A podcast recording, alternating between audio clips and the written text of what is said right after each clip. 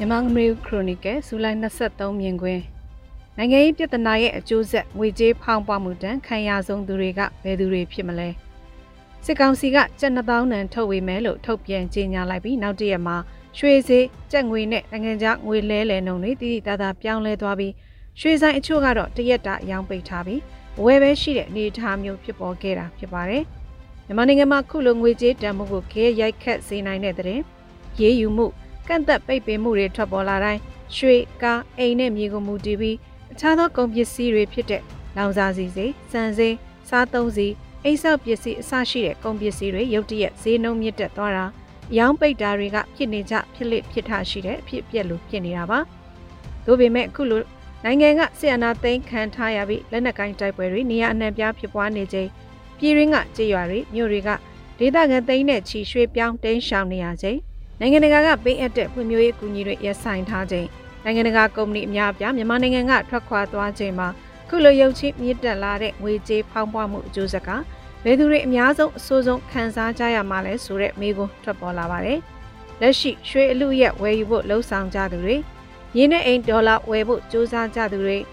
အဲ့ဒီလူလက်တန်းစားအလွှာအနေနဲ့ပိုင်ဆိုင်မှုတန်ဖို့ရုပ်ရော့သွားတဲ့သဘောမျိုးသာတွေ့ရမှာဖြစ်ပြီး၎ င်းတို့အနေနဲ့နေချင်းညချင်းစားဝင်နေရေးအခက်ခဲကြုံရနိုင်တဲ့အနေအထားမဟုတ်ပါဘူးမိမိရဲ့ပိုင်ဆိုင်မှုကိုတန်မိုးမလျော့ပါသွားအောင်ကြိုးစားတာနီးလန်းရှာလှုပ်ဆောင်တာသာဖြစ်ပြီးခုလိုငွေတန်မိုးဆိုးရွားစွာကြာဆင်းမှုရဲ့တရားမှုတန်ကိုတကယ်ခံစားရမှာကစစ်ဘေးရှောင်တွေမြို့ပေါ်ကလက်လုံလက်စားတွေစက်ရုံအလုပ်ရုံတွေမှာနေစားသို့မဟုတ်လကားစားအနေနဲ့အလုံလောက်ကိုင်းနေသူတွေနဲ့အသက်အရွယ်ကြီးရင်ပြီးပုံမှန်အလုပ်ကဝင်ငွေမရှိဘဲပင်စင်လိုမျိုး မိသားစုဝင်တွေရဲ့ထောက်ပံ့မှုကိုမိခိုအားထားနေရတဲ့တက်ကြီးရွယ်အိုတွေတာမန်ဝန်ထမ်းဘဝနဲ့ပင်စင်ယူပြီးပင်စင်လစာကိုမှီခိုနေကြရသူတွေကထိတ်ဆုံးကခံစားကြရမှာဖြစ်ပါတယ်။စစ်ကောင်စီအနေနဲ့အာဏာသိမ်းပြီးတစ်နှစ်ကြာအထိရှီရင်ဆွဲတန်မိုးနဲ့ငွေဆက်ကူတွေကိုရိုက်နှိပ်ကောင်းရိုက်နှိပ်မှာဖြစ်ပေမဲ့တန်မိုးပမာဏကြီးတဲ့ငွေဆက်ကူအသစ်ရိုက်ထုတ်တဲ့နီလန်ကိုရှောင်လွှဲနိုင်သေးတဲ့အနေအထားဖြစ်ပါတယ်။2021ခုနှစ်တုန်းက1000နန်းထက်တန်မိုးကြီးတဲ့ငွေဆက်ကူရိုက်ပြီးထုတ်ဝေမယ်ဆိုတဲ့ ကောလာဟန်လသတင်းတွေကိုစာထုတ်ပြီးညင်းဆိုခဲ့ပေမဲ့ခုနှစ်နှစ်နီးပါးအကြာမှာတော့တမိုးကြီးငွေဆက်ကူထုတ်ဝေတဲ့နီလန်းကိုမရှောင်လွှဲနိုင်မဲရွေးချယ်လိုက်ရတာလို့ခံမှန်းရပါတယ်။စစ်အုံးစိတ်ကတိုင်းပြည်ရဲ့ပမာဏအများဆုံးအုံးစိတ်ဖြစ်နေတယ်လို့နိုင်ငံရဲ့ဒေသအများပြမတိမငြိမ်ဖြစ်နေပြီးစိတ်ချလက်ချစိုက်ပျိုးနိုင်တဲ့အနေအထားမရှိတာလက်နက်ကိုင်းတိုက်ပွဲတွေဖြစ်ပွားရာကအလုံးလုံးနိုင်တဲ့လူငယ်လူလက်ပိုင်းတွေအများပြအိန္ဒိချင်းနိုင်ငံပြည်ပနိုင်ငံတွေကိုဥတီသွားရောက်ကြပြီး စိုက်ပျိုးလုပ်ငန်းလုပ်ကိုင်းတဲ့ဒေသအများအပြားမှာလုံသမားငှားဖို့မလွယ်ကူတဲ့ပြဿနာတွေကြုံနေကြရပြီးခုချိန်မှာစီးပွားရေးပြဿနာတွေထက်လက်နက်ကိုင်းတိုက်ပွဲတွေကြောင့်အသက်ဘေးအန္တရာယ်လွတ်မြောက်ထွက်ပြေးတိမ်းရှောင်နေကြရလို့စိုက်ပျိုးမွေးမြူရေးလုပ်ငန်းတွေကြီးကြီးမားမားထိခိုက်နေရတဲ့အခြေအနေဖြစ်ပါတယ်။ဧပြီလနောက်ပိုင်းကစတဲ့ရှမ်းပြည်မြောက်ပိုင်းရဲ့ရွှေပြည်လပခုရာတွေမှာမြန်မာနိုင်ငံအလဲပိုင်းကအလို့သမားတွေလာရောက်နိုင်ခြင်းမရှိကြတော့သလိုစံကြောစိုက်ပျိုးထွက်ရှိရာမှာနာမည်ကြီးတဲ့ စကိုင်းတိုင်းရွှေဘိုနဲ့အခြားမြို့နယ်တွေမှာလည်းလုံခြုံရေးအခြေအနေမကောင်းတာကြောင့်လူသမားငှားရမ်းလုပ်ကိုင်နိုင်တဲ့အနေအထားမျိုးမဟုတ်တော့ဘူးလို့ဒေသခံတွေကပြောဆိုကြပါတယ်။ဒီလိုဒေသတွေမှာနေထိုင်ကြတဲ့လောက်ခစားလက်ခစားနဲ့လက်လုံလက်စားမိသားစုတွေဖို့ငွေဆက်ကူအစ်စ်ထုတ်လို့ငွေဖောင်းပွားမှုဒဏ်ကိုခံစားကြရတဲ့အခါအထိနာမဲ့သူတွေထဲမှာထိတ်ဆုံးမှာပါဝင်နေမှာဖြစ်ပါတယ်။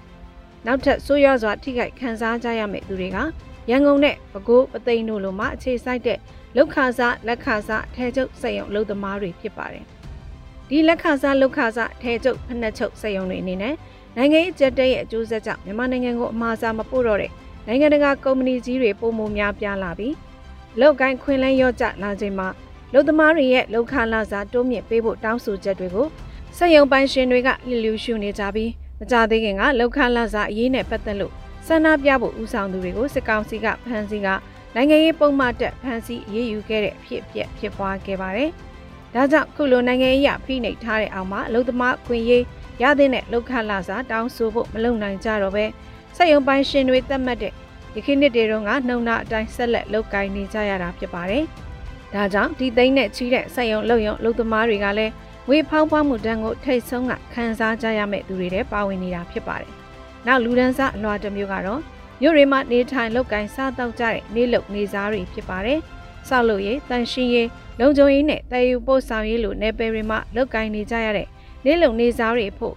ရုတ်တရက်မြင့်တက်လာတဲ့လူနေမှုစရိတ်ရတဲ့နေစားလုံအားကတွေကငငွေဖောင်းပွားမှုမဖြစ်ခင်ကထက်တိတိသားသားယောနေသွားပြီး ငကိုကလေးကကြက်တဲနေတဲ့စားတောက်ရည်ကိုပိုးပြီးချိုးချံချွေတားရမယ်အနေအထားရောက်လာနေပြီဖြစ်ပါတယ်ရှင်။